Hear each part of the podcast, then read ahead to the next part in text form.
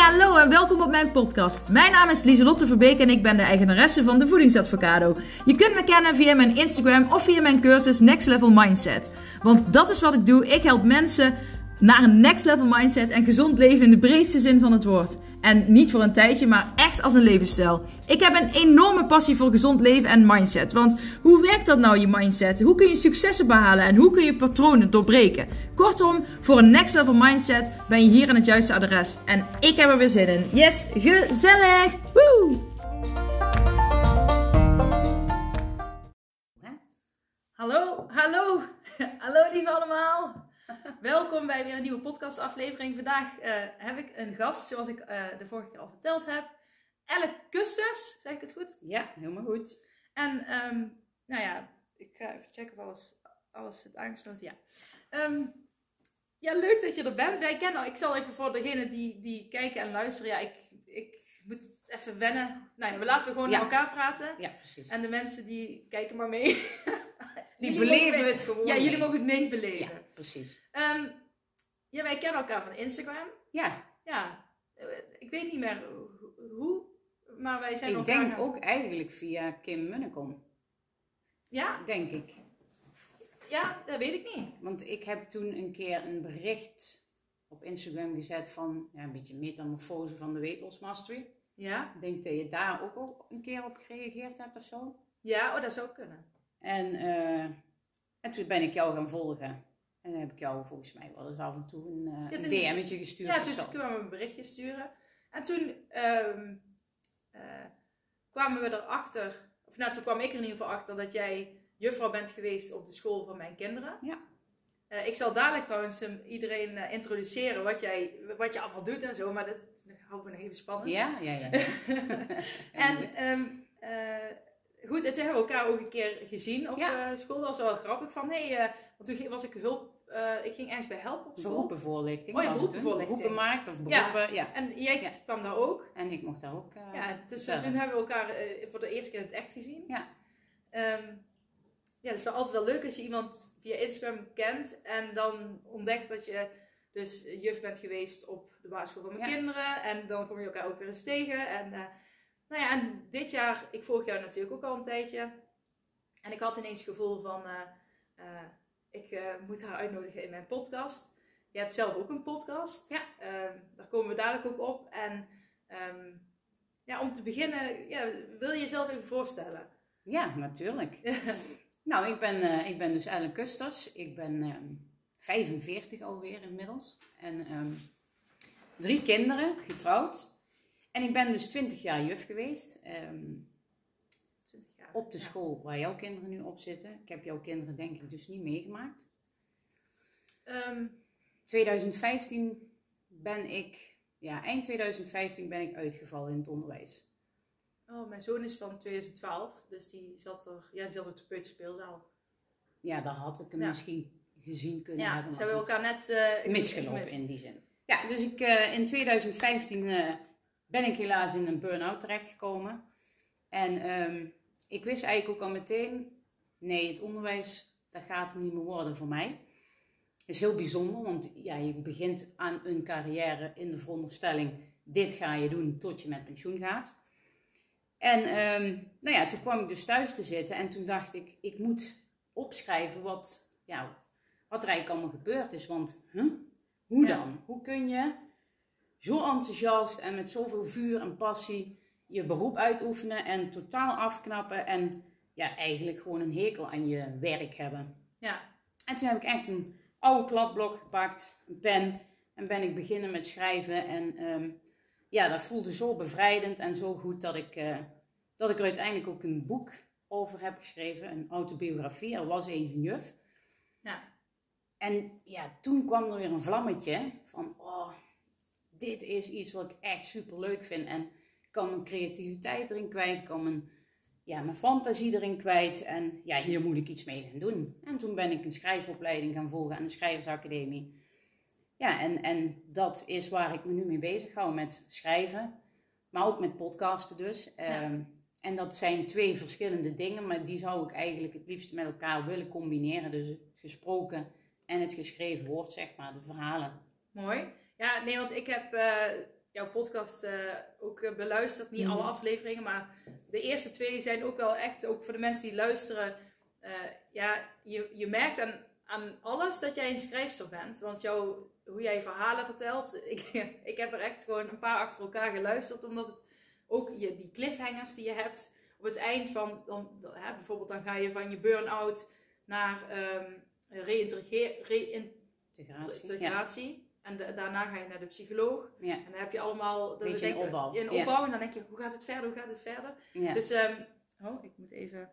Het beeld is altijd even... Hij is aan het opnemen nog. hè? Ja. Nou, hij staat, hangt stil, maar goed. hetzelfde. We gaan door. Ehm, eh, ja, dat vind ik wel eng dat hij stil staat. Maar eh, hij staat aan... Als hij loopt dan. Ja, ja, ja. ja. ja. ja. Ehm, eh, ik ga heel even pauze, want, Ja. want jij vertelt al heel veel Oh. mooie dingen. Oké. Ja, want jij bent dus in een burn-out terechtgekomen en Ja. je kwam erachter. eh ik wil ook gewoon niet meer terug naar, Nee. naar school. Nee. En ehm, eh, ik heb het natuurlijk, ik heb, je hebt het in je eigen podcastaflevering, heb je het er ook over van hoe kom, hoe kom je nou in zo'n burn-out? Ja. Kun je daar kort iets over vertellen?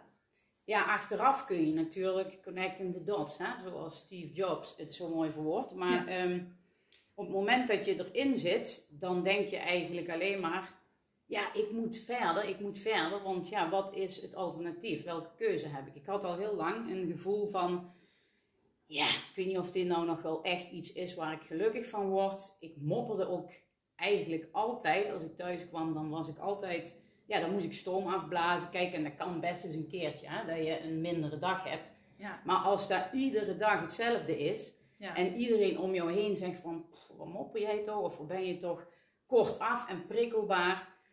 Ja, dan ga je wel nadenken van, hmm, Is het dit dan? weet je, Ja. dit is eigenlijk niet goed. Maar ja, wat dan? Ik bedoel, ja, ik zou niet weten wat ik anders zou willen. Dus je gaat eigenlijk maar door. En door steeds meer hooi op mijn vork te nemen, dus meer te gaan doen, ook in, in bijvoorbeeld eh, in onze buurtvereniging. En ik was druk met sporten en ik, ja, ik deed eigenlijk zoveel dingen Ja. dat ik mezelf als het ware verdoofde met, met, ja, met werk Doen, of met ja. doen, bezig zijn. Het is een, ja, een overlevingsstrategie, denk ik. Ja, vermijding zou ik het noemen dan. Een Ja, vermijding. En ehm, nou ja, toen kwam mijn man dus ook nog in september van dat jaar eh, thuis te zitten. Die werd ontslagen. Nou, die zat natuurlijk ook eh, in zak en as.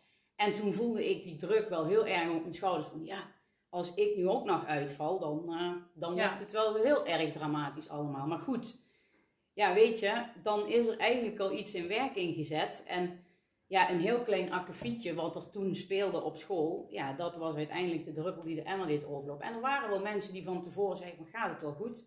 Ja, ja, ja, ja. Ja, ah, een beetje druk, eh, te veel dingen. Weet je, als die rapporten maar eens voorbij, als dit maar eens, als de vakantie. ja. Dus iedere keer was het een moment zoeken van, als dit, dan. Als dat, dan. Ja. Totdat je ja, de man met de hamer tegenkomt, ja, en die is gewoon genadeloos. Hè? Die Ja. slaat op je kop en Ja. je gaat oud. Dus- Maar dat is dus eigenlijk een, een, een eh, preventief iets bij jou.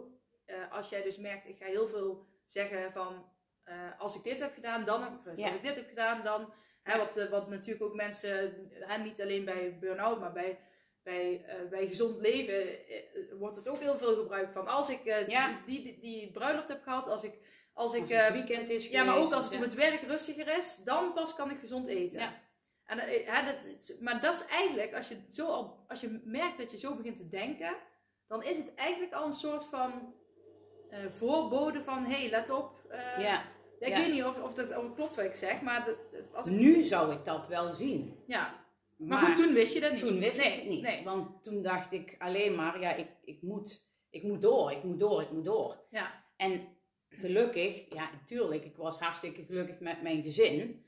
Hè, en met alles eromheen. Maar mijn werk vond ik verschrikkelijk. Ja. Nee, vond ik, vond ik echt, ik was, ja, het klinkt heel vreemd, maar ik was blij als de kinderen een studiedag hadden. En ik gewoon lekker in mijn klasje, bij wijze van spreken, wat dingen kon uitwerken. Dan dacht ik, oh, eindelijk heb ik rust. Ja. En ja, dan weet, je beseft wel van, ja, dat is hartstikke fout dat je zo denkt. Maar ja, ja. stop het maar eens op dat Ja. moment, hè. Nee, en het is ook. Oh, doe even beetje zo. Het is ook. eh, misschien heb je het idee van. ehm, want ik hoor jou zeggen hè, dat je heel veel dingen eromheen ging doen. Ja.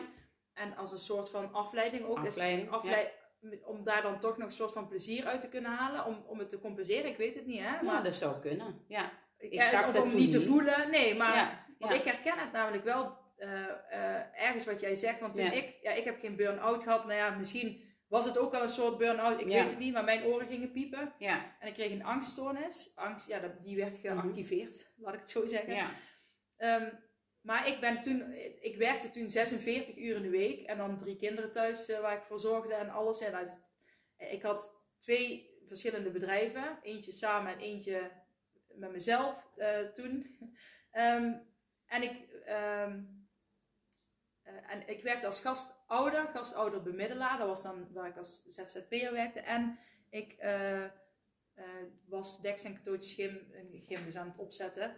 En, en nog dacht ik, ik moet meer doen om Ja, ja, succes. Ik moet meer doen, ik moet meer doen. Dus ik bleef maar meer en meer doen. Om, want ik dacht, ja, dan komt er een moment en, dan, en dan is het gelukt. Maar maar dat moment kwam nooit, want mijn lichaam die gaf al heel lang aan, eh die zult je nou aan het doen bent, dat werkt niet. Maar goed, dat wist ik toen ook niet. Dus Nee, nee. bij mij gaf mijn lichaam echt signalen aan. En ook het van, als dan, als ik nu hard genoeg werk, Ja. dan gaat dat me straks belonen. Maar ja.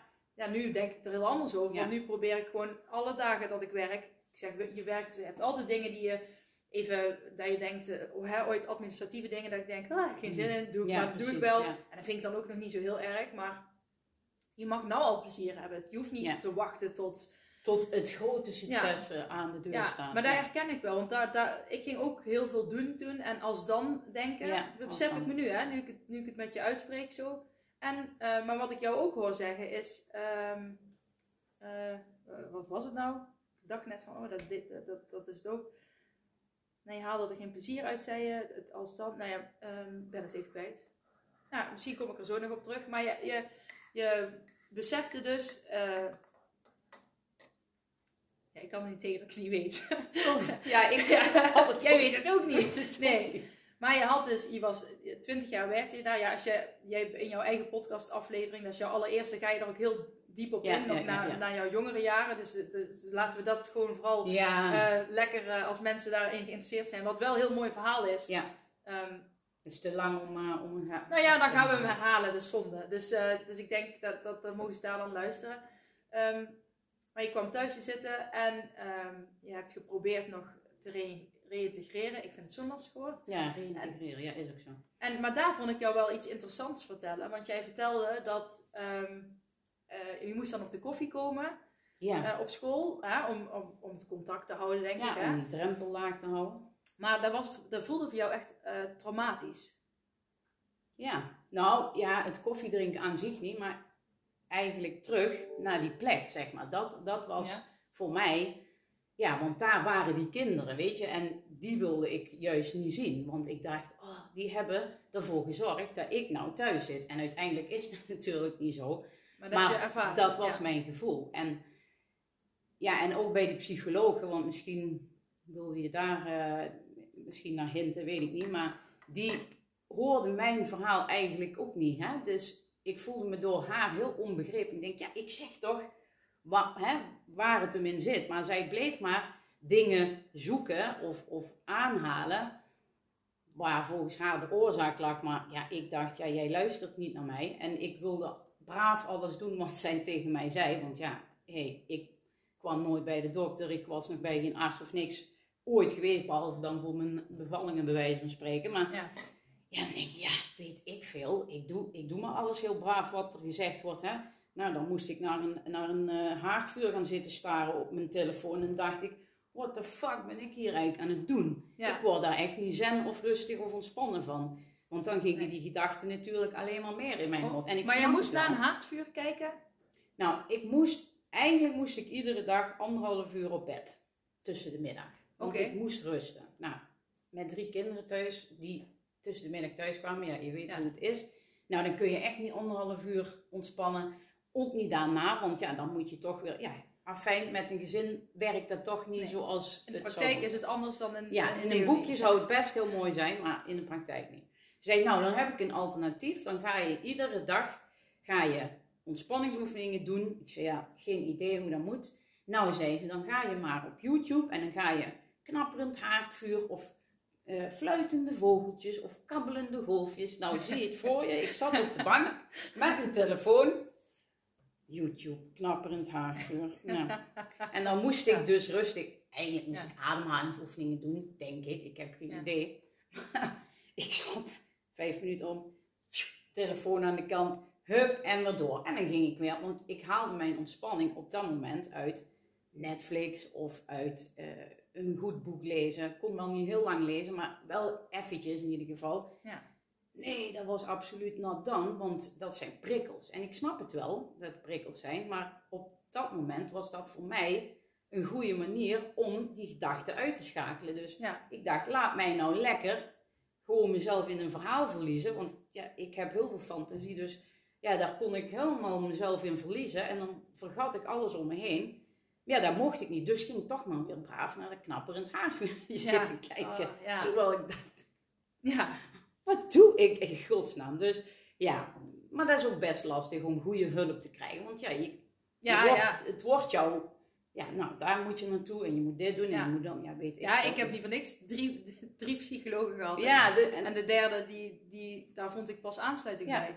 Want dat is heel eh, persoonlijk. ja, is heel lastig. Want ook al heeft zoveel procent baat... Want dat was dan de psycholoog die aan school gekoppeld was, zal ik maar zeggen. ja, ja. ja. Ja, en zo werkte. En om dan buiten de kaders te gaan, ja... Ja, het onderwijs is wat dat betreft ook wel een, eh, hè, een beetje een... een ja, hoe moet ik het zeggen, een log, eh, een log organisatie. Dus ja, dat werkt allemaal eh, hè, een beetje rechtlijnig van Mhm. zo gaan we het doen. Maar ja, je moet misschien ook wel eens een beetje een ander paadje durven volgen. Ja. Maar goed, dat wist ik toen nog niet. Maar gelukkig had ik een man die wel wat meer op zijn strepen ging staan. En eh, ja, die heeft toen toch uiteindelijk gezorgd dat ik bij een andere psycholoog terecht kon. En daar ging het wel, eh, daar, daar kon ik mijn verhaal kwijt. Die luisterde naar mij. Ja. Die zei eigenlijk niks. Die zei niks. Ja, die stelde vragen. ja. Die hield mij een spiegel voor. En, ja, Toen kwam je zelf met antwoorden. en dat is zo. Dat Ja. weet je zelf ook. Het zit allemaal in jou. Ja. Maar je moet het wel, het moet wel bovengehaald worden. Ja, ja, dat is de antwoorden, daar geloof ik ook in. Alles zit al in je. Ja, En alle antwoorden zitten ook al in je. Alleen ja, soms heb je iemand nodig die. die het even weer... En, eh, en door, doordat je ooit het vertelt of opschrijft, hè, dat heb je ook natuurlijk Ja. eh, gedaan, Ja. eh, dan kom je erachter. Dus dat is, dat dat is heel mooi. En nu weet ik ook weer wat ik net vergeten Kijk. was. Want dat is keuzes. Ja. Jij, jij had het gevoel dat je geen keuze had. nee, van, want ik- wat moet ja. je anders? Ja. Dit is mijn werk, hier heb ik voor gekozen, hier heb ik voor geleerd. Ja, wat moet ik dan anders? Ik kan niks. Ik kan nou niks anders. Dus nee. ja, het gevoel dat je geen keuze hebt, dat is ook een. ehm, ik, daar herken ik dus ook heel erg. Want voordat ik die, die angstuitbarsting kreeg, ik dacht, ja, ik kan, ehm, ik kan niks anders. nee, ik nu moet doen. wel door. Ik, Ik, moet, wel ik door. moet hier wel mee door. Ik, kan, ik kan toch niet zomaar ineens stoppen. Maar ja, Ja. uiteindelijk stop je, omdat je, je, ja, je niet lichaam anders, gewoon toch? zegt Ja. eh, en je geest van, hallo, daar gaan we Stop. en ik geloof, ik geloof er dan echt in dat je. ehm, je bent zo lang een leven aan het leiden. eh, zoals je denkt dat het moest. Ja. Of zoals je denkt dat het was. Maar je, je, en hoe langer je het doet, hoe verder je van je werkelijke zelf Ja, eh, verwijderd wordt. En dan op een gegeven moment is de werkelijk jij en degene die je bent ehm, geworden. Zo. Er zit zo'n groot verschil tussen. Dat het wel. ehm Je moet Ja, clashen dat eigenlijk. moet clashen. En, en eigenlijk ook maar goed. Ja, uiteindelijk. Want ik weet nog dat iemand tegen me zei... Je moet het boek eens lezen. Gefeliciteerd met je burn-out. Ja. Toen dacht ik... Wie verzint nou zoiets? Gefeliciteerd met je burn-out. Doe eens normaal. Weet je wel hoe verschrikkelijk het is om een burn-out te hebben? Echt, ik zou niemand willen aanraden. Maar achteraf snap ik die titel ook nog eens Ja. een keer heel goed. En denk ik ook van ja, het was misschien wel het beste wat me had kunnen overkomen. Kijk, vrijwillig zeggen van nou doe mij nou maar die burn-out, want eh, daar heb ik nou wel eens zin in. Ja. Nee, tuurlijk niet. Maar als het je Nee. overkomt en Ja. ja. goed, en je ziet uiteindelijk wat er dan, hè, wat er dan allemaal gebeurt en, en ja, hoe het je vormt, ja, dat is wel prettig uiteindelijk. Ja, nee, ja. daar, ja daar, daar kan ik me helemaal, daar sluit me helemaal bij aan. Ja, Want ja. ik, eh, ik leef nou wat betreft mijn mooiste leven. eh, Ik doe het, het werk wat ik wil. En volgens mij jij ook, hè, met het schrijven. En Ja.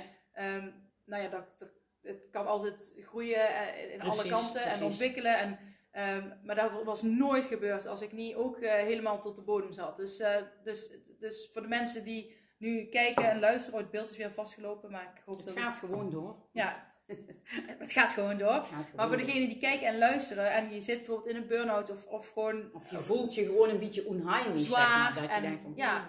dan weet dat het, dat, dat het ook juist weer heel veel eh, jou kan geven. En juist ju- eh, jezelf weer dichter bij jezelf Ja. eh, terug kan brengen. En ik wil nog even terug, want jij zei net heel snel tussendoor van ik ben gaan schrijven toen ik last had Ja. hè, van de burn-out. Ik ben gaan schrijven en toen heb je er een boek van gemaakt. Ja. En, en eh, ja, Ja, dat, dat daar kwam zo even gek, door hè? tussen ja. de lip. Je hebt er, maar je hebt, een, een- het- want eh, er was dus een, een juf, dat is jouw eerste boek, toch? Ja, dat is het eerste boek. En dat wordt dit jaar opnieuw uitgebracht, heb ik Ja, begrepen. ja, er wordt dus herschreven. Eh, ik heb een, ja, een beetje een vervelende ervaring gehad met, met de uitgever van Er was eens een juf. Ja? Die bleek uiteindelijk ehm, van spoorloos van de aardbodem verdwenen te zijn. En ja, die zadelde dus iedereen eh, op met, ehm, ja, met ellende, om het zo te zeggen. Ik heb Ja. dus ook nooit een cent gezien van, van de verkoop van mijn boeken. Oké.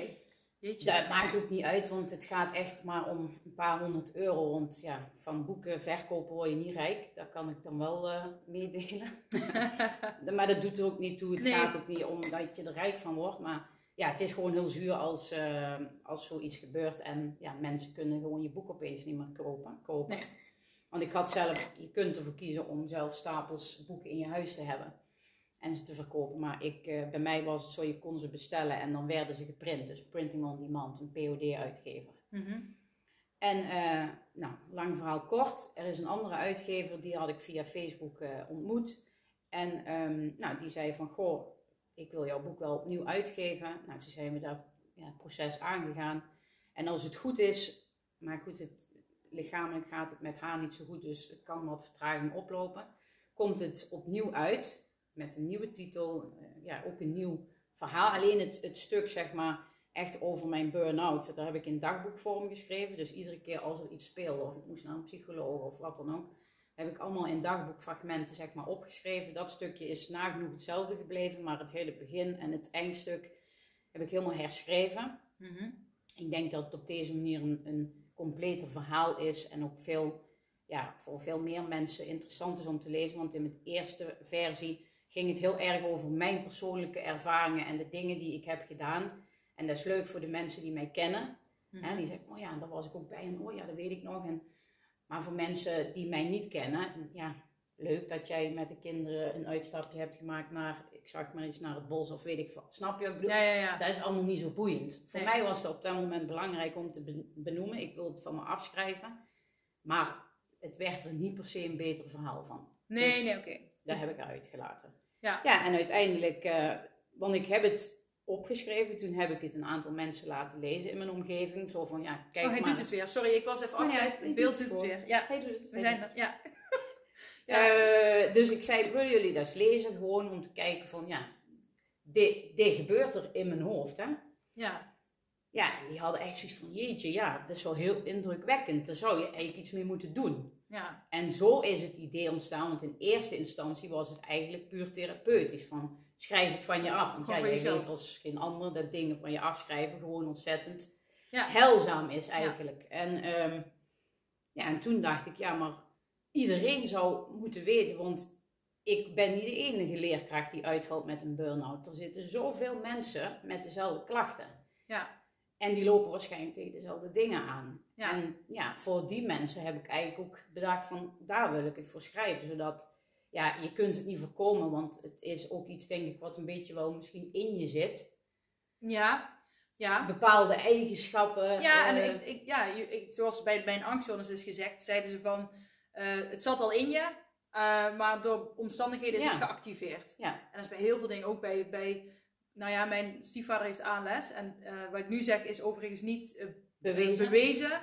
Maar wij hebben, ik heb het blad The New Scientist en daar staat dan, staan dan verhalen in. En dan ook eh, van waar ze eh, over onderzoek stond er iets in. En ze zijn daarmee bezig om te onderzoeken ehm, eh, dat bijvoorbeeld ALS, en dat zou, het is dus niet bewezen, een heel Hmm. oud virus kunnen zijn.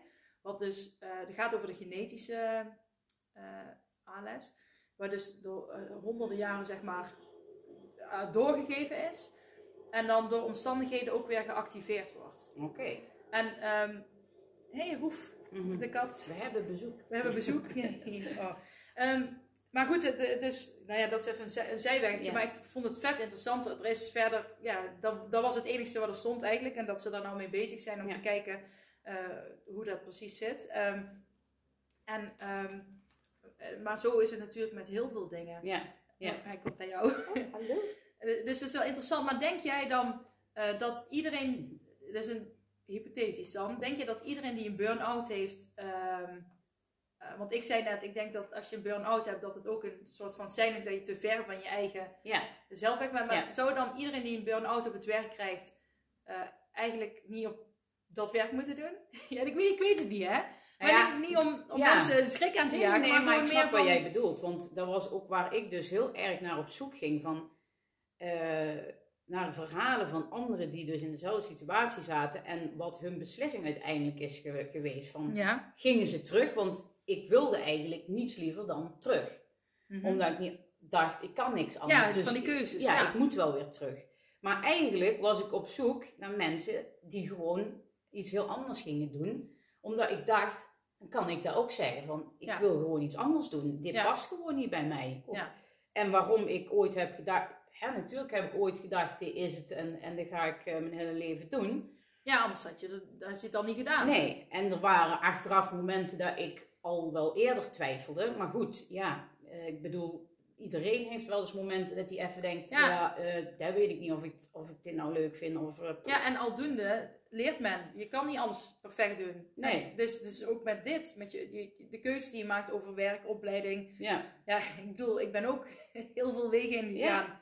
En dan denk ik, ik dacht ook altijd, oh, dan heb ik gefaald. Maar je faalt niet. Nee. Je, je leert juist Ja. en je komt dichter bij jezelf. ja, ja, precies. Dus uiteindelijk, ja, eh, ik durf niet te beweren dat iedereen die een burn-out heeft, eh, dan dus maar iets anders moet gaan doen. Nee, ik, ik ook niet. Maar ik, maar ik kan wel, ik Ja. denk wel dat je dus uiteindelijk dingen anders moet doen of anders moet bekijken. Ja, want het hoeft niet per se altijd werkgerelateerd. Het kan ook zijn dat je op andere gebieden... Ja. hè, er zijn meerdere levensgebieden Ja. waar je...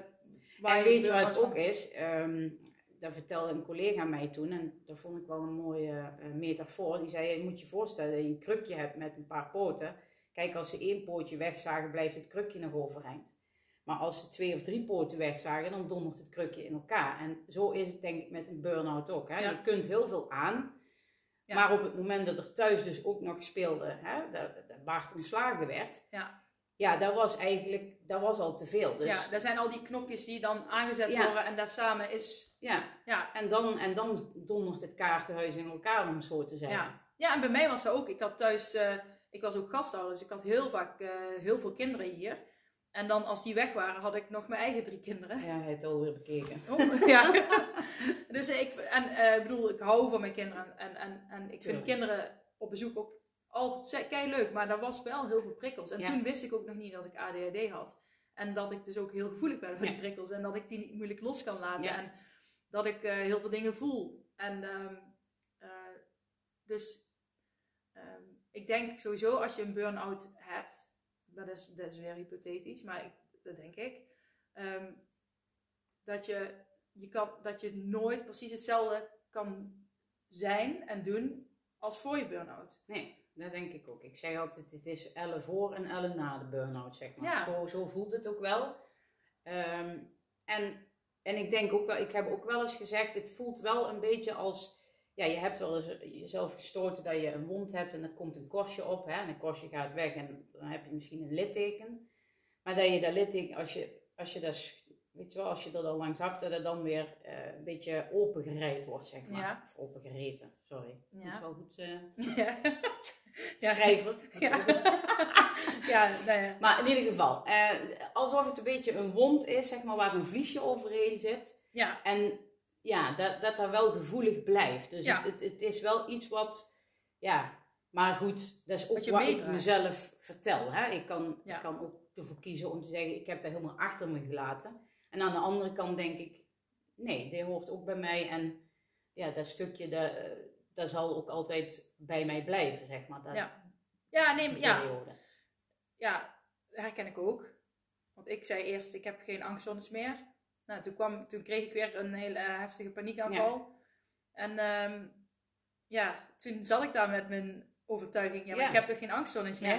Ja. Ja, dus ik heb toen gedacht, nou, ik heb het inderdaad als een, als een klein... Het is een gevoelige plek. Of, of, of een En je mee teken. leven. Ja, Daarom ben ik ook acceptance en commitment therapy gaan studeren. Ja. Voor mezelf. En nu voor anderen. Maar, maar ik, ik wil nog even iets vragen. Gewoon eh, in mijn chronologische hoofd. ja. Niet, mijn hoofd is totaal niet chronologisch. Eh, eh, juist chaotisch. Maar wanneer in de, in de lijn heb jij dat boek geschreven van Er was een juf? Heb je dat, was dat toen jij aan het... Was dat na de... Ja... na- Ik ben eigenlijk begonnen, ik zat tien dagen thuis ongeveer, denk ik. En toen ben ik gaan schrijven. Oké. Maar goed, voordat het uiteindelijk, even voor de tijdlijn, 2015 kwam ik thuis. Ben ik zeg maar in die, in de kerstvakantie was het toen, hè, want Ja. die, stond toen voor de deur. Ben ik begonnen met schrijven. Nou, dat, dat stukje heb ik heel snel opgeschreven. Ik denk eh, in een paar dagen tijd. En daarna heb ik het een hele tijd laten liggen, want toen ben ik pas gaan schrijven op het moment dat er iedere keer bijvoorbeeld een afspraak was of er was weer iets voorgevallen waardoor ik helemaal teruggeslagen werd weer. Nou ja. En uiteindelijk is het in 2017 is het toen verschenen. Ja. Nee, oké. Maar dat is even voor mijn... Dus zeg een anderhalf jaar Ja. tijd met herschrijven en, eh, hè, dus dat je en andere mensen het laat lezen die dan ook weer dingen hebben aangepast of zeg van nou dat zou ik anders doen of eh, ja. En in welk moment... wa- Wanneer kwam het moment van... Ik ga niet meer terug naar school? Nou als ik heel eerlijk ben kwam dat toen ik naar huis ging al. Oké. Die, die dag. Toen dacht ik al, dit was de laatste keer dat ik hier in deze hoedanigheid als juf op school kom. Ja. Dat, wist, dat voelde ik. Ja. Ja, ik kan het niet uitleggen, want heel veel mensen zeggen, ja, dat kun je echt niet weten, want je bent ziek en je weet gewoon niet. Oh, we hebben zwaar beeld. Ja. Oh. Oké, Ja. Oké. Oeh. Ja, nou, dat is even eng. dat is even eng. Maar hij gaat door, dus we gaan ervan uit. Ja, het beeld is wel vaker zwaar. Ik, ik ben technisch... eh, Ja, en ik ook, hè, dus ik weet ook niks van techniek. Maar anders zien ze nou een zwaar beeld en horen ze... ja, dus dan mag je even heel goed luisteren. Ehm, Ja. Ik was even... Ja. Oh ja, dus toen, Ja. toen zei ik van, nou, ik wist het eigenlijk al meteen. Ehm, mensen om me heen zeiden, nee, dat kan je nog niet weten, want je bent ziek. En als je ziek bent, kun je geen beslissingen nemen. Dat snapte ik ook wel. En ik wilde er ook wel alles aan doen om weer terug te gaan. Ja. Maar ehm, ook met dat koffie drinken wat jij net al benoemde en de bezoekjes aan de psycholoog waar ik iedere keer ja, eigenlijk depressiever van thuis kwam als wanneer ik er naartoe ging. Ja, toen, toen werd al vrij snel duidelijk en ook bij mijn man die zei ook van nee, dit, dit moeten wij gewoon ook niet meer willen. Want ja, ik zie aan jou dat het gewoon niet gaat en, en ja, dat dit niet meer is voor jou. En, Nee. ja, maar voordat ik het toen echt heb gezegd is eigenlijk na de grote vakantie in 2016. Ja. Toen heb ik, toen heb ik het eh, zeg maar naar buiten gebracht. Eh, toen heb ik op school verteld van ja, ik kan, ik kan niet meer terug. Het, gaat gewoon niet meer. Ja, en dan ga je een traject in. En, eh, en in 2007, is het toen 2017 pas geweest? Toen is het officiële afscheid. Ja, in juni 2017 is pas het officiële afscheid van... En dat is ook heel raar, want dan ben je al anderhalf jaar weg. Ja. En die kinderen hebben jou nooit meer gezien. En die zitten intussen al twee groepen Oh, ja, ja, die maar zeggen. ja, Dus ja. Oh ja, dat was die juf toen. Ik Maar ga, goed. hou het even vast. Ik ga toch even het beeld aan en uitzetten. Dus voor de mensen die luisteren, die kunnen Doorluisteren. doorluisteren. Ehm, nou ja. Ja. Oh, nee. Ja, het is... eh, Het, het het, houdt is me eh, op. het houdt helemaal op. Ja, het is... eh, Take two. ja, mijn eh, camera die heeft zoiets van, het is genoeg geweest. Ja, lult niet zoveel jullie. Ja, ja hij, is echt, hij is er echt klaar mee. Maar we, we gaan gewoon door. Ik, ehm, We gaan gewoon door zonder beeld. ja, dat is jammer. Ik ga heel even... Ik zet de podcast heel even pauze en dan komen we zo Ja. terug. Yes, dan zijn we weer deel 2. De camera is weer even zwart geweest. Sorry voor de mensen die kijken. Het, Ja. eh, ik ben nog een newbie op eh, YouTube. En ik weet er ook niks van, dus helaas. Ja, dus eh, ja, dan moet ik even Drie uitzoeken. minuten zonder beeld, ja. Ja, dus hopelijk heb je die drie minuten... Ben je toch blijven hangen en ben je er nu weer en kun je weer verder luisteren. En voor degenen die op de podcast meeluisteren, die, ja, die hebben eigenlijk niet zo heel veel gemist. Nee, Dat was even een er knipje. niks van. Ja. Nee. Maar we hadden het over het afscheid eh, wat je had op school, eigenlijk na anderhalf jaar. Ja, De kinderen die jou eigenlijk, ja, denken we. ja die is toen Die- weggegaan ja. en ja, niemand gezien. En toen ben jij eh, eh, de opleiding ga- gaan doen voor Ja. de, schrijf, Ja. de schrijfopleiding. Ja, een, een schrijfopleiding, eigenlijk een rare volgorde. Ik heb eerst een boek geschreven en toen dacht ik, hé, hey, misschien Ja. is het... Ja, ik, ik doe denk ik wel vaker dingen die dan misschien niet volgens het boekje zouden gaan. Ja, Eh, hoeft- dat moet ook niet. nee, dat moet ook niet. Nee. Maar gevoelsmatig denk je, als ik iets nieuws ga doen, dan moet ik daar wel een opleiding voor. Snap je wat ik Ja, bedoel? Want ja, dat ik, herken ik. Ja. ja, je moet dan toch bewijzen dat je het kunt, zeg maar. Ja. Dat, dat gevoel.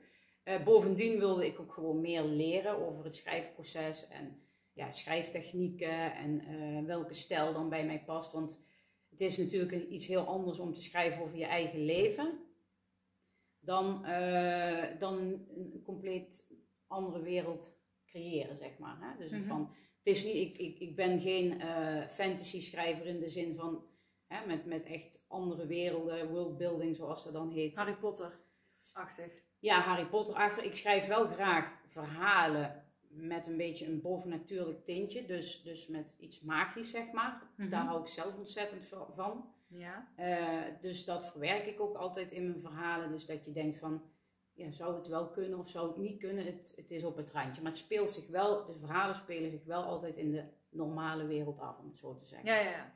Oh, mooi. Dus, eh, en een beetje young adult gericht. Ehm, want ik ben van mening, en dat heb ik natuurlijk uit het onderwijs meegenomen, kinderen lezen te weinig.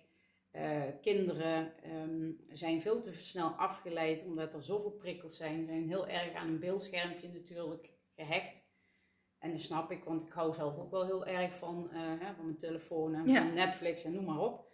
Maar ja, ik denk, het is zo waardevol om in een goed verhaal jezelf te kunnen verliezen en ja, je eigen beelden daarbij te kunnen vormen. Dus Ja. in je hoofd. Want als het op een eh, beeldscherm staat, dan wordt het al voor jou ingevuld.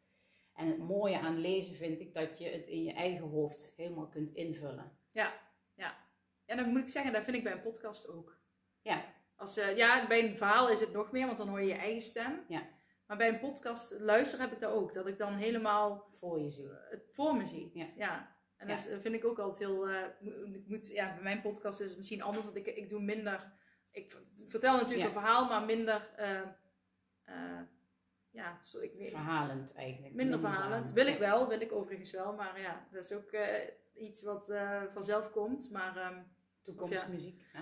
Toekomstmuziek, ja, en ik heb natuurlijk die storytelling bij eh Celine Charlotte, daar Ja. hebben we het straks al over gedaan. Maar Ja. ehm, ehm, eh, hoeveel boeken heb jij al uitgegeven?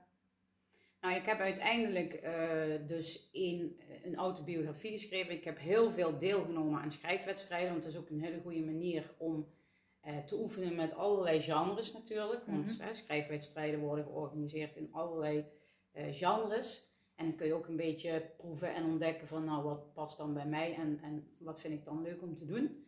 Dus uiteindelijk ben ik ook in een, in een aantal bundels eh, verschenen met een verhaal. Oh, cool. Een stuk of vijf, zes denk ik inmiddels. Ik heb samen met een collega-schrijfster uit België heb ik een verhalenbundel uitgebracht. Twee korte novelles eh, in één boek, Duistere Geheimen. ja. Eh, ja, dat, dat is ook nog ehm, eh, beschikbaar. En, ehm, en binnenkort, over een maand, verschijnt mijn e-book. is alleen e-book. bij Hip Publishing. Dat is een, ja, een dochteronderneming van Gordijn Publishing. En ehm, ja, daar ga ik dan mijn e-book lanceren. Zoute Landen heet dat. En ehm, nou, heel grappig, de hoofdpersoon heet Lieselot. Ah, Ja, jee! Jee, wat cool. Ja, dus dat is wel grappig. ja, Primeur. ja. Primeur. Oh, dat is leuk. Ja, ja, is Ja. een feel good eh, overigens verhaal. Nou ja, dat, dat, dat- ik, ik, je zei, het, het heeft niks met jou te maken, maar ik voel me wel toch zo Ja. van Lieselot en Feel Good. Dat klinkt... eh, In Zoutelanden, met een geheim. Ja, dus is wel leuk. Ja. Oh, ik ben benieuwd. Dus eh, ja, dat gaat binnenkort dan verschijnen. En dan hopelijk eh, ja, over niet al te lange tijd dan de herschreven autobiografie. En ik ben zelf al heel lang, eigenlijk net zo lang als dat ik mijn autobiografie aan het schrijven was, met een ander manuscript bezig, bezig over een magier. Eh, Oh, nou ja, een illusionist die uiteindelijk een magier blijkt te zijn. En een, een zangeres van een metalband. Ik hou heel erg van metalmuziek. oké. Dus ik, ik, ja, ik, al mijn passies en zo, die kan je stop ik in, in het schrijven. Dus Ja, dat is wel heel leuk. En dat is dan een hek, zeg maar. En die horen eigenlijk bij elkaar. Maar ja, dat, dat gaat ook allemaal over andere tijden. En dat loopt allemaal door elkaar. Dus het is heel ingewikkeld. En daar ben ik al vier, vijf jaar mee bezig. Maar ja, het is best wel lastig om, om het helemaal goed op papier te krijgen. En eh, ja, om het einde daar, daarbij te schrijven. Dus daar ben ik nog steeds ook heel druk mee bezig. Maar en hoe, hoe, hoe kom jij op die verhalen? Hoe eh, ga je, eh, word jij s'nachts wakker en denk je, oh, en dan moet ik opschrijven? Of, eh, Ja, daar hoor je wel ooit van mensen. Hè? Die zeg maar, eh, ik weet niet, ken je het boek The Big Magic van Elizabeth Gilbert? Die heeft ook Eat, Pray. Nou, oh ja, ja, die heb ik al gelezen. Die andere, Eat, Pray en Love, denk ik. Ja, zoiets Ja. is het, ja. Ja, Ja. beminnen, nou, iets. Ja. Nou, in ieder geval, zij heeft ook een boek geschreven dat gaat over creativiteit. En dat heet The Big Magic. Ja, En dus zij... daar heb ik er wel van gehoord. Ja. Ja, dat is een heel interessant boek, want zij stelt dat creativiteit, ja, dat zit natuurlijk in ieder van ons, maar dat ideeën soms bij jou aankloppen. En dat jij ervoor kunt kiezen om met dat idee aan de gang te gaan. En als jij dan bijvoorbeeld te lang ermee wacht, of je bent niet helemaal committed om er iets mee te doen, dan gaat het idee weer weg en dan gaat het naar de volgende. En zo gebeurt het dus ook dat soms twee mensen op exact hetzelfde moment hetzelfde uitvinden of hetzelfde bedenken. ja, Maar dat zijn volgens Elizabeth Gilbert zijn dat dus ja, die ideeën die zweven gewoon in het universum en die, ja, die tappen soms bij jou in. En zo kan het dus ook gebeuren dat jij echt vanuit het niets gewoon een verhaal opschrijft. Zonder dat je het eigenlijk verzonnen hebt, maar dat het gewoon uit je Ja. vloeit. ja, Dat vind ik wel ook een hele mooie gedachte. Dat, ja. Soms heb ik dat ook wel, dan schrijf ik een stukje en dan denk ik achteraf, hm, heb ik dat geschreven? Ja, Wow, weet je, ja, ja, ja. goed man. En andere momenten dan is het gewoon keihard werken. Ja. Want, het is, want het is niet zo van, ja, ik weet niet hoe jouw beeld van een schrijver is, maar mijn beeld was echt heel romantisch van iemand zit bij wijze van spreken ergens lekker eh, aan, aan, eh, aan het strand met een eh, laptopje en Ja. die zit daar heerlijk hè, in de flow te schrijven. Maar in de praktijk komt het er toch op neer. Het is gewoon keihard werken. Je moet Ja. gewoon die laptop openklappen. Of in mijn geval, ik pak altijd mijn pen, mijn vulpen en, en mijn schrift.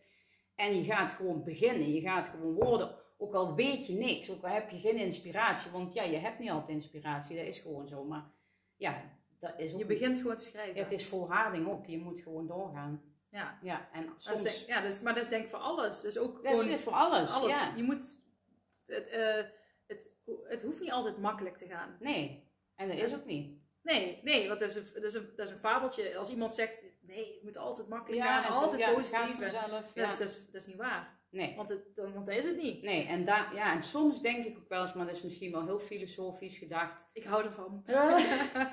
nou ja, ik, eh, wat je nou ook wel eens bij, bij kinderen ziet, weet je, die, die krijgen wel een beetje mee van alles kan. En tuurlijk, je kunt ook heel veel bereiken, maar soms denk ik wel eens dat het te mooi wordt voorgespiegeld van, weet je, eh, je hoeft er maar eh, aan te denken Ja. en het weet je, Ja. en alles kan en het Ja. is...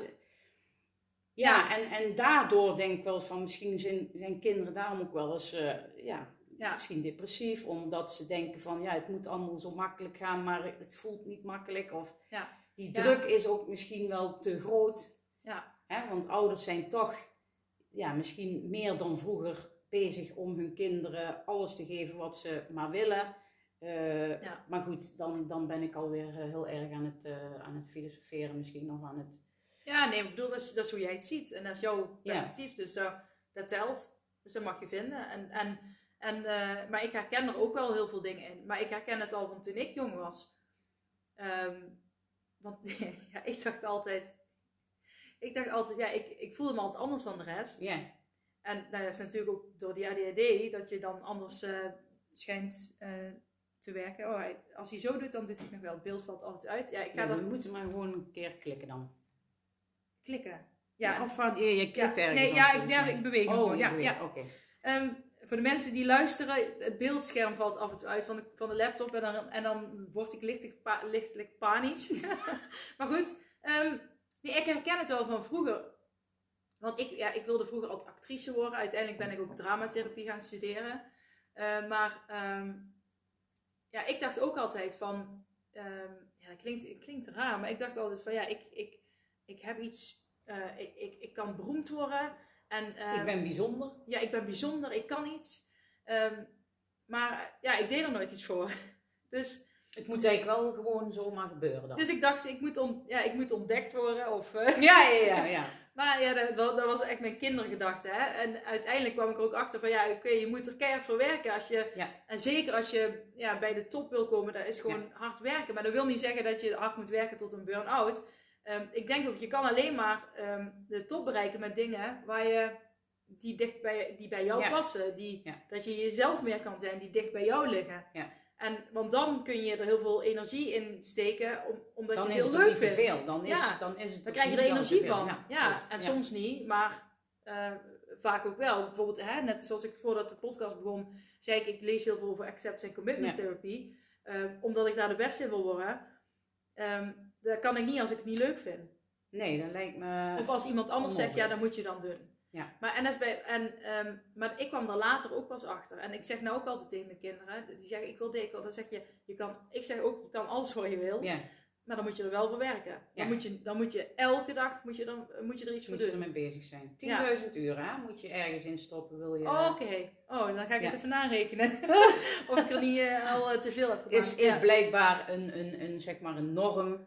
Maar ja, 10.000 uren, er zijn er ook nogal een enkele, hè? Ja. Er zijn ook best wel veel... eh, Er zijn veel uren. Maar even, even naar die, jouw filosofische stuk over die ideeën die rondvliegen. Want dat vind ik gaaf. Ja, dat is leuk, hè? Ja, ja, heb je, kun je daar nog iets... Is er dan ook... eh, eh, ja, kun je daar nog iets meer over vertellen? Of heb je daar nog iets, een leuk feitje over, weet je? Of, ik vind het ja, in ieder geval zou ik zeggen, als je het leuk vindt, zoek dat boek eens op. Want het is Ja. wel echt een aanrader. Hoe heette het ook weer? De, The Big... Big, Magic. En is het Engels of Nederlands? Nee, het is gewoon Nederlands. Oké, dat maar klinkt de al... eh, titel is wel eh, Engels. ja. Ja, zo was, stond er bijvoorbeeld ook een, een, eh, een, een vrouw, een, een, een dichter. Mhm. En ehm, ja, ze zei dan, het voelde alsof ik een kat bij zijn staart kon pakken. ja. En die kat, die kat naar me toe kon trekken. Dat was dan, zo kwam het idee dan tot haar.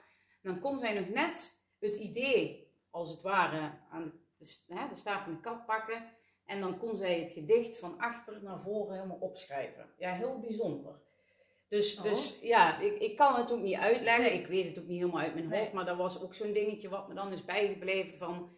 Ja, dat soms eh, eh, ja, dingen gewoon in je hoofd komen waarvan je denkt, oh, daar moet ik echt iets mee doen. Ja. Ja, inspired action, zoals Ja. ze dan ook wel heet. Ja, ik wou, dat, ik wou toevallig, ik wou net het woord zeggen. Ja, Want, want daar geloof ik ook in. Ja, Want heel vaak begin ik aan mijn podcast en dan weet ik van, van tevoren niet wat ik ga zeggen. En dan, ik vertrouw er ook op dat alles wat ik nodig heb, dat ik daar gewoon kan plukken. dat komt. Ja. En ik, ik, mijn mond beweegt en ik zeg van alles, maar ik heb eigenlijk, ja, dat klinkt echt heel vaag, maar ik, nee, maar ik snap het. ik, ik eh, heb ook nooit door, of ik, ik zeg gewoon wat er in mijn hoofd komt. Je zou het niet kunnen bedenken van tevoren. Nee, Want als je terugluistert, heb ik ook heel vaak, dan denk ik, oh, dat heb ik toch eigenlijk best goed gezegd. Ja, ja ik, nou, ik moet zeggen, ik, ik luister soms terug. Nu, ik check altijd of alles Ja. werkt. Maar ik, ik, op het begin durfde ik dus nooit terug te luisteren. Ik luister nu, ja, ik luister nog steeds niet vaak. Ehm, maar als ik hem ooit terugluister en hij blijft aanstaan, dan denk ik, oh, dat is eigenlijk best een goede aflevering. Ja, En, ehm, maar op het begin durfde ik het nooit. Want dan, want, want dan werd ik, ging ik juist twijfelen aan mezelf en perfectionistisch worden en onzeker. Dus ik dacht, ik neem het in één keer op. En dan hadden we het ook over, ik programmeer niks. Hè, van, het, hoe- het is al goed zoals het is. ja, precies. En ik ga niet terugluisteren, want dan ga ik alleen maar twijfelen, mezelf afkraken. En zolang ik dat blijf doen, ga ik, dan help ik mezelf om het niet te doen. Dus ik, eh, heb, er, ik heb er echt eh, alleen maar gecheckt, doet het geluid het? Zo, Ja, ja, precies. Is het goed te Ja. verstaan? En soms luister ik er wel eens eentje terug. En laatst had ik er zelf een teruggeluisterd van mezelf. En daar had ik zelf weer iets aan. Ja, dus toen dacht ik, oh, nou ja, heb ik mezelf eigenlijk advies gegeven. ja. Maar dat is ook leuk, want zo kun je het in je hoofd ook doen. Hè? Gewoon alsof je eh, je beste vriendin advies geeft. Zo kun je ook tegen jezelf praten. Ja. En ik hoor dan via die podcast, eh, Je eigen advies. Ja, Ja. soms een beetje chaotisch. Maar dan denk ik, oh ja, zo ben ik ook mij. Ja, Ja. dus ja, ja. Dus- helemaal, helemaal herkenbaar. Ja, nou mooi. Maar ik heb, nou, ik had, want ik had, ehm, eh, oh ja, dat vond ik ook zo mooi. Toen jij, want eh, de- de- dat vertel jij in je allereerste podcastaflevering, dat jij een meisje van 10 jaar bent. En ehm, eh, jou, toen ging jij jouw allereerste boek lezen. Ik weet niet of het je allereerste was, maar in nee, ieder geval. niet, maar in ieder Je geval ging een boek wat lezen mij heel erg eh, van- aan denken van Anne. Frank, het achterhuis. En dat heeft jou heel veel ge- gedaan.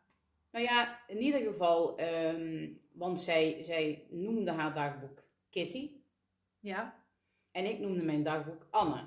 ja, ja, daar, daar had ik. eh, Hè? Dus, dus, ehm, maar gewoon, ik vond het zo mooi hoe zij ja, haar gevoelens op papier kon zetten en hoe zij alles ja, zo prachtig kon beschrijven. En ehm, ja, natuurlijk is het afschuwelijk wat zij allemaal heeft meegemaakt, maar ja, het heeft mij wel geïnspireerd om, ja, om in ieder geval ook mijn gevoelens aan papier toe te vertrouwen. Want uiteindelijk, ja, je kunt bijna tegen niemand zo eerlijk zijn als tegen je dagboek in feite. ja. Tenminste, voor mij. Ik, ik vind papier, ja, dat is eigenlijk mijn beste vriend. Want die zegt niet van, oh, dat is hartstikke stom. Of wat doe je nou toch weer? Of, ja, die oordeelt gewoon niet. En, eh, en mensen oordelen wel meestal. Ja. Tenminste, Ja, ik, ik, Vaak. hoop, ja, vaak oordelen mensen, ja. Hè, Ik hoop en- dat mensen minder oordelen, maar ja, daar hoop ik ook. En, eh, maar goed, ja, en bij papier is gewoon, ja, daar, daar kun je gewoon alles aan toevertrouwen. ja, mooi. Ja, daarom is journalen, Ja. dat is ook een woord waar ik dus niet uit kan spreken. Journalen, ja. Journalen, ja. Ik kan het goed schrijven, maar niet zeggen. Uitspreken? Maar ik- ik vind het ook zo heerlijk om gewoon, ja, alles wat in je hoofd zit, Ja. kan je opschrijven zonder dat je na hoeft te denken, kan ik het nou wel zeggen? Juist. Wat zou dat met iemand doen? Ja. Dus Ja, want je houdt als je in gesprek, hebt, in gesprek bent met een ander, op de een of andere manier hou je onbewust toch rekening Ja. met de gevoelens van die ander. Van, oh, ja, Ja. misschien moet ik dat niet zeggen, of moet ik dat wel, of hoe moet ik het zeggen. ja, Weet je, dan is er toch een stukje, ja.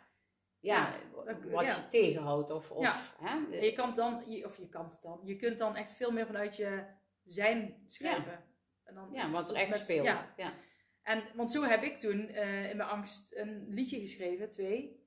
Ja, wel meerdere, maar ik heb er twee. Die staan op YouTube ook als je terugscrollt. ehm Oh, leuk.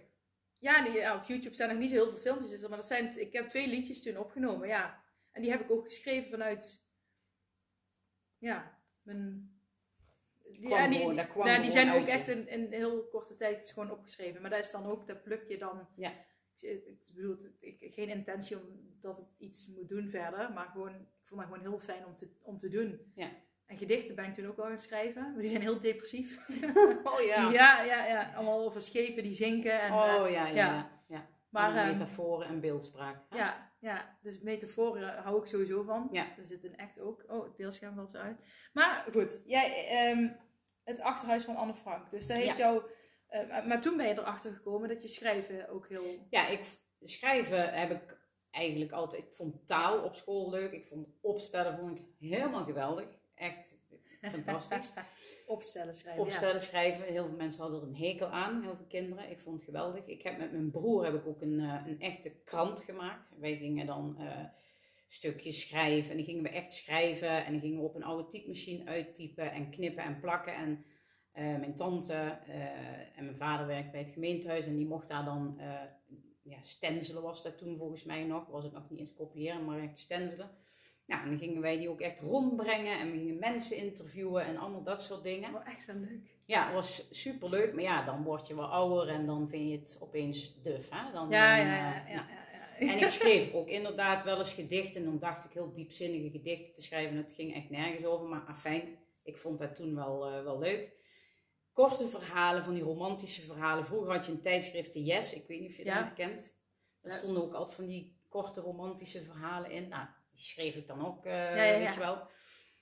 Uiteindelijk heb ik het allemaal eh, weggegooid. Ik heb, mijn man en ik hebben ook nou echt dozen vol brieven. Wij schreven ook altijd iedere dag brieven naar elkaar. En Oh, echt? Oh, leuk. Allemaal bewaard. Ook dagboekjes als ik dan bijvoorbeeld op vakantie ging. Ja, toen Ja. wij nog eh, net verkering hadden, toen was ik nog maar 14 en hij eh, 6, 17. Dus toen mochten we nog niet met elkaar op vakantie. Dus dan was het echt dagboekjes bijhouden van... eh, Oh, wat leuk. Ja.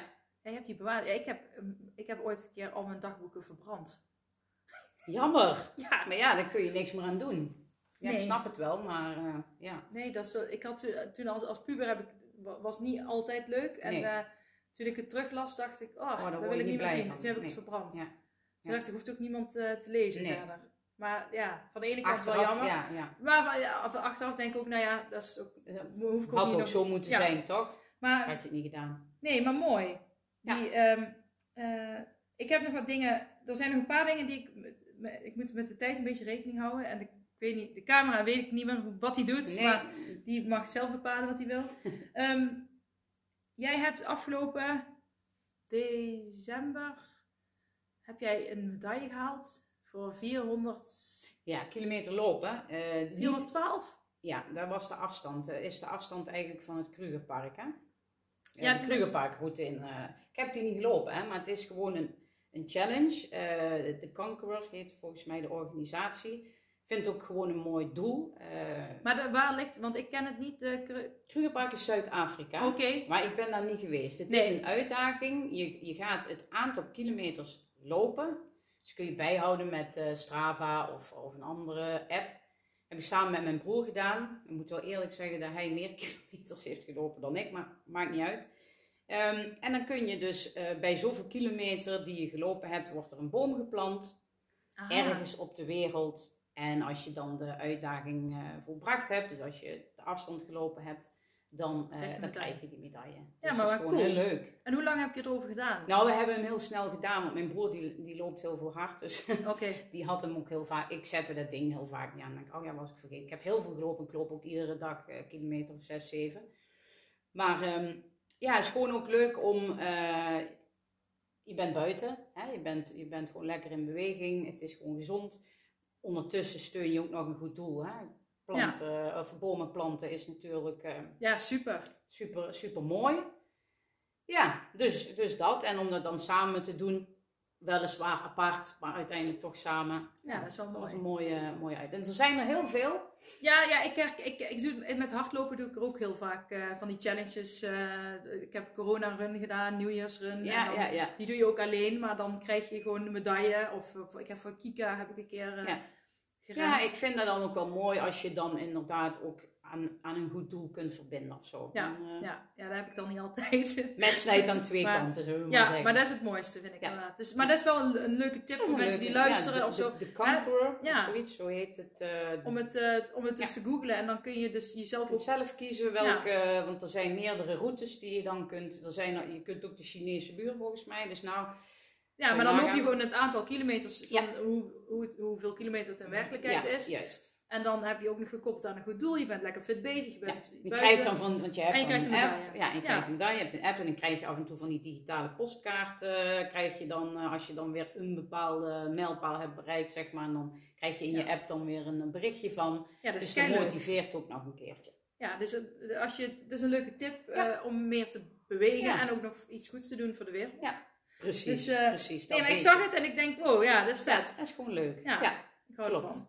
En ehm eh, er zijn nog twee dingen die ik wil... eh, nee, drie dingen. Nee, oké, oké, twee. Laten we niet te lang... Want ik, ik hoorde jou ook, er, je, had ook een, je hebt ook een aflevering gemaakt over accepteren. Nou, als Ja. ik iets interessant vind, is het acceptatie. Mhm. En hoe heb jij, heb je tips? Heb je, hoe heb jij, het- want je moest accepteren dat je eh, ziek was. Ik Ja. doe aanhalingstekens, want je, ja, Ja, je bent ziek, niet, je bent, je bent ja, niet zichtbaar ziek. ziek, maar ja, ja. geestelijk eh, Ja. uitgeblust. Ja, hoe heet het? Burn-out. Opgebrand. Of, eh, Daarom heet het ook een burn-out, Ja, je bent opgebrand. Ja, Maar je, je, je vond het lastig op het begin om te accepteren. heel lastig. Maar hoe heb je dat voor elkaar gekregen? Weet je dat nog? Waar heeft jou echt geholpen om te accepteren? Nou ja, dat heeft heel lang geduurd. En ehm, ik zou je geen één tip, zal ik maar zeggen, kunnen geven die dan voor iedereen eh, misschien eh, geschikt is. Nee, maar, het is ook voor jou. Want, want ja, iedereen is natuurlijk Ja. anders. ehm, uiteindelijk denk ik ook gewoon naar mezelf te durven luisteren. Van wat, wat, ja, wat voor mij goed voelde. Om, om daarop te durven vertrouwen dat dat ook goed is. Want kijk, ik was op zoek naar een oplossing. Hè? En ik nam van iedereen nam ik dingen aan. Want iedereen heeft dan een oplossing of een, Ja, weet wel, ja. een tip. Of je moet Je valt en je grijpt alles Ja, waar je... alles, je wil alles aanpakken om, om er maar weer bovenop te komen. Eh, en uiteindelijk denk ik dat het belangrijkste is dat je dat je durft te leren vertrouwen op je eigen gevoel.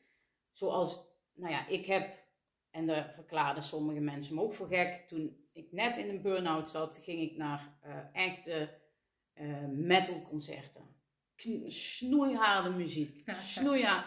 En dan zeg ja, hoe kan dat nou? Je hebt een burn-out. Je kunt niet, ja, de meeste mensen kunnen niet op hun voeten staan, bij wijze van spreken. Ik lig alleen maar op de bank. Ik was niet zozeer lichamelijk moe. Ik was hier moe. Dus, maar ik wilde gewoon die geluiden in mijn hoofd uitzetten. En ja, hoe kun je dat beter doen dan door nog, nog hardere muziek in te pompen? Weet je, en dan kon ik helemaal, ging ik nou Within Temptation en me verkleden als een heks en weet ik wat. Fantastisch. En dan, dan was ik gewoon even iemand anders. Weet je, dan kon ik, dan kon ik, was ik niet meer die Elle die ziek was, maar dan was ik gewoon, ja, mezelf eigenlijk, zeg maar. Ja. van, dit vind ik leuk. Wie er dan ook iets van vindt, boeien. Ik, ja. ja, het is wel grappig, want je, van de ene kant denk je, oh, ze is aan het vluchten, ze is aan het vermijden.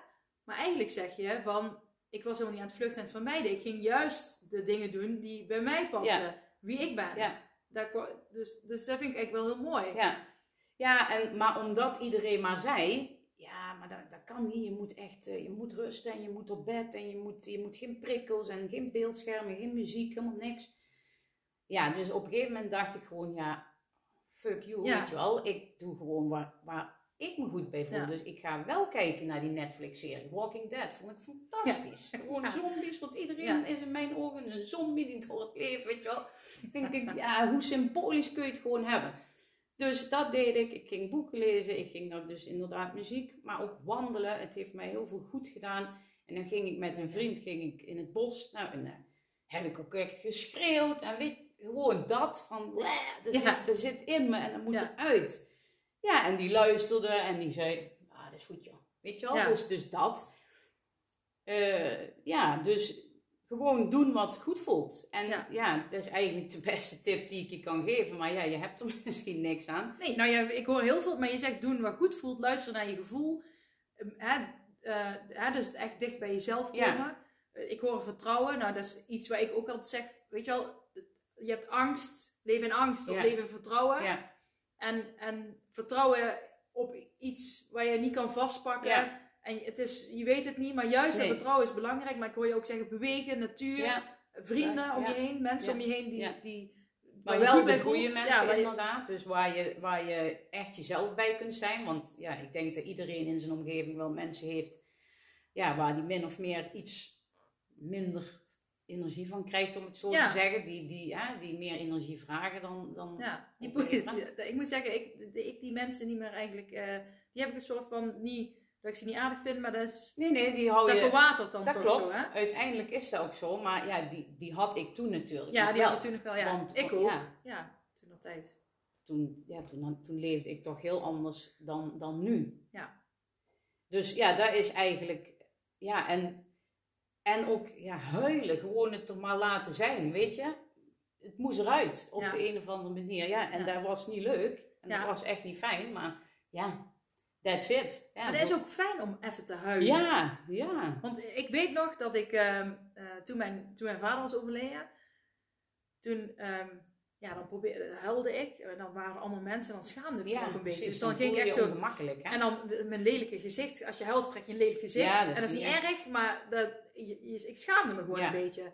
En, en toen zag ik op tv een, uh, ja, ik weet niet meer waar het was. Het was ook ergens, uh, volgens mij ook in een Afrikaans land. En er was een, een moeder, die was haar uh, broer of zo was overleden. En die vrouw die kroop over straat en die huilde. En heel het dorp uh, tilde haar op en zij zakte helemaal in één. En toen dacht ik, ik vond het heel erg voor die vrouw. maar ik, zei, ik, oh, ik, ik, was eigenlijk jaloers op die vrouw, dat zij die emotie zo mocht uiten. Ja, ja. En, ik, dat is en ik durfde dat nooit. Nee. Ik moet zeggen dat ik nu nog steeds niet over de straat zou nee. En, oh, maar ik zou het soms wel willen. Ja. Ja, ja, ja en, en, en, dat mensen dan uit de straat, uh, alle, dat iedereen uh, begrip heeft voor elkaar en dat ze elkaar willen helpen. En um, ik weet niet, ja, dat is ook dat is dan mijn, hoe ik erover denk. Dan denk ik, mensen mogen elkaar ooit wat meer, uh, wat meer vriendschap en liefde geven dan deed het haat. En Of weglopen Ja, van, want nou, als je dat nou zou negeren, doen, ja. denk ik dat de meeste mensen zouden denken, oké, ehm, Ik, ga even de, de 112 bellen, Ja, want dan ik, loopt hier een gek. niet, niet voor mij, niet voor mij, weet je. Dat, dat is toch niet makkelijk, want Ja. ja, dat past niet echt in deze cultuur natuurlijk. Hè? Nee. Van eh, laat het maar allemaal op de Ja. vrije loop. En toevallig heb ik vandaag een post op Instagram en op Facebook gezet van... Ja, die had ik gezien. Van dat jij, Ik eh, zat de serie te kijken ja, en ik ben echt een weekdier. Hè? Ik ben echt een weekdier. Maar het liefste in mezelf hè? of in mijn eentje. Maar aan de andere kant denk ik, ja, what the fuck. ja, Waar is daar...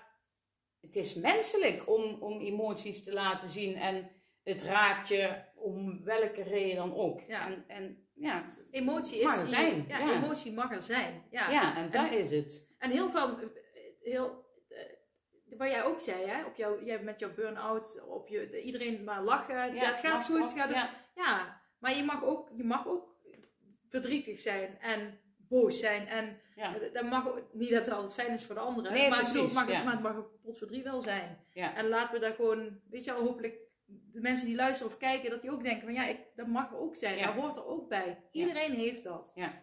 Er, is niet, er zijn, ik ken wel mensen die altijd vrolijk zijn en doen of alles goed is. Maar er zijn ook wel vaak de mensen die uiteindelijk ook in, in een burn-out of iets terechtkomen. En dan, nu zie ik het van tevoren al bij anderen ooit aankomen. Maar goed, daar kun je ook niet altijd ehm, iets aan doen. Maar ehm, het is gewoon zonde. Weet je, laat dat er zijn.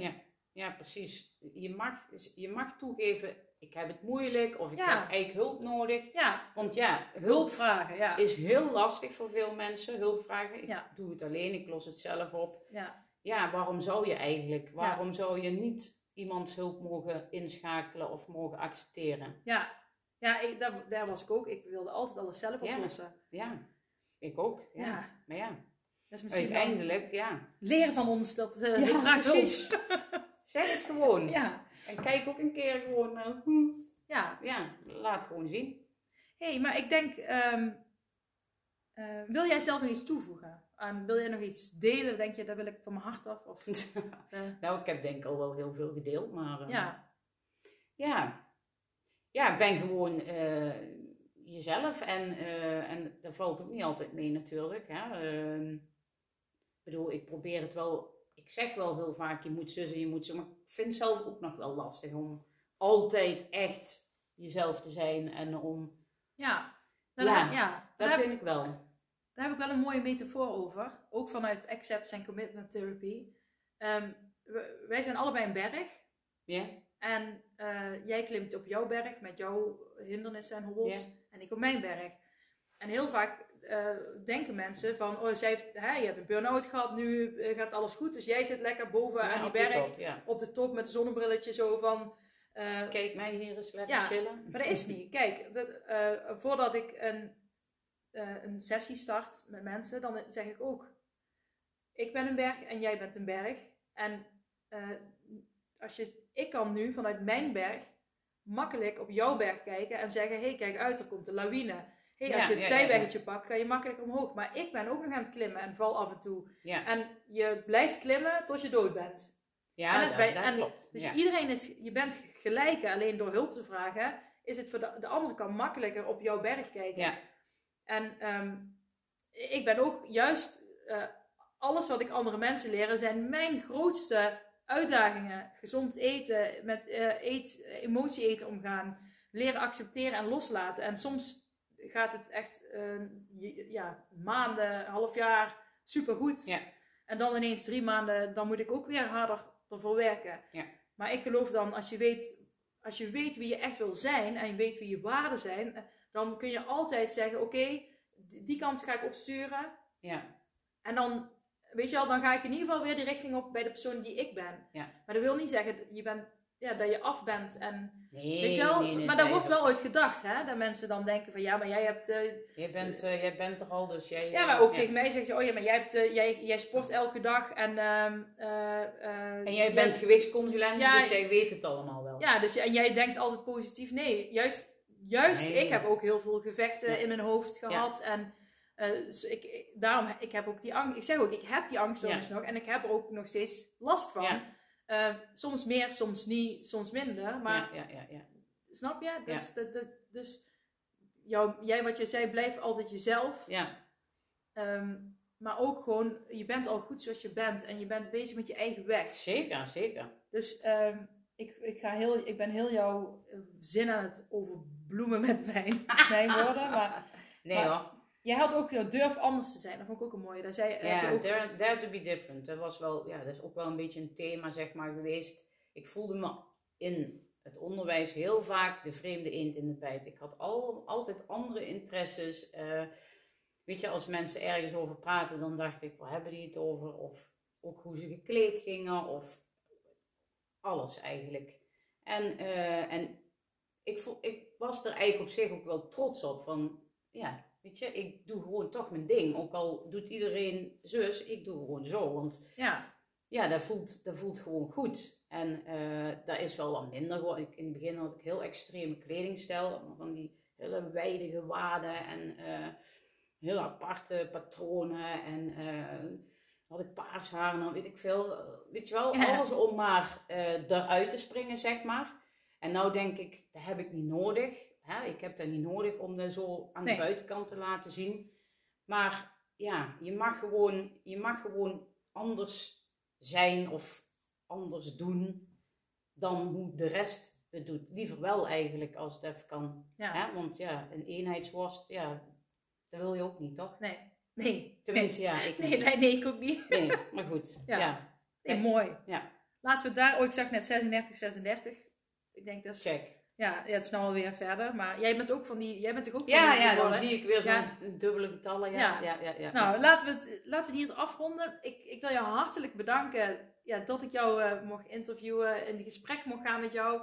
Ik vond het eh, heel fijn. Hopelijk heb je het ook zo Dat ervaren. vond ik ook heel erg leuk om live, eh, hè, face-to-face in Ja. gesprek te zijn. Dus Ja, en jouw podcast, jouw podcast heet, heet trouwens een eh, live... nee, zeg hem even live. after- life's better after your burn-out. Ja, Dus het leven is beter na je burn-out. Tenminste, dat vind ik. ja, dus check hem out. En eh, jouw Instagram is gewoon... eh, Elle Kuster 76 volgens mij. ja, ja, ik zat te denken... At Elle Kuster 76 volgens mij. Ja, dan kun je haar ook nog volgen als je dat wil. En eh, waar kunnen ze jouw boeken vinden? Nou, bij, ook via, eh, via jouw Instagram kun je daarop komen, toch op jouw website. Ja, ik ga dat natuurlijk ook nog zeker delen als er, eh, als er meer nieuws is. Ja. En eh, ja, bol.com, daar zal ook vast eh, altijd iets te vinden zijn. Maar, ja, eh, dus heb je interesse erin? ja, dan google het gewoon even. kijken. Ja, en bedankt voor het kijken, bedankt voor het luisteren. En ik spreek jullie vrijdag weer. In ieder geval, ja. En Ella, die kun je, kun je, wanneer komt jouw nieuwe aflevering van de podcast? Woensdag. Woensdag. Nou, dus, dus daar kun je woensdag terecht. Nou, ehm, bedankt. En ehm, Jij ook? ja, ik wou zeggen bedankt en tot ziens, wou ik zeggen. nou ja, bedankt, gewoon keer. bedankt. Punt. En nu stop ik hem. Doei!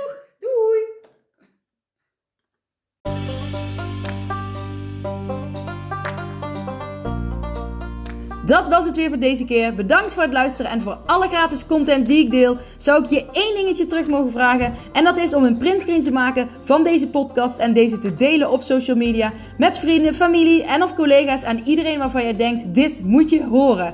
Op die manier kan ik nog meer mensen bereiken en nog meer mensen helpen om naar een next level mindset te kunnen komen. Oké, doeg!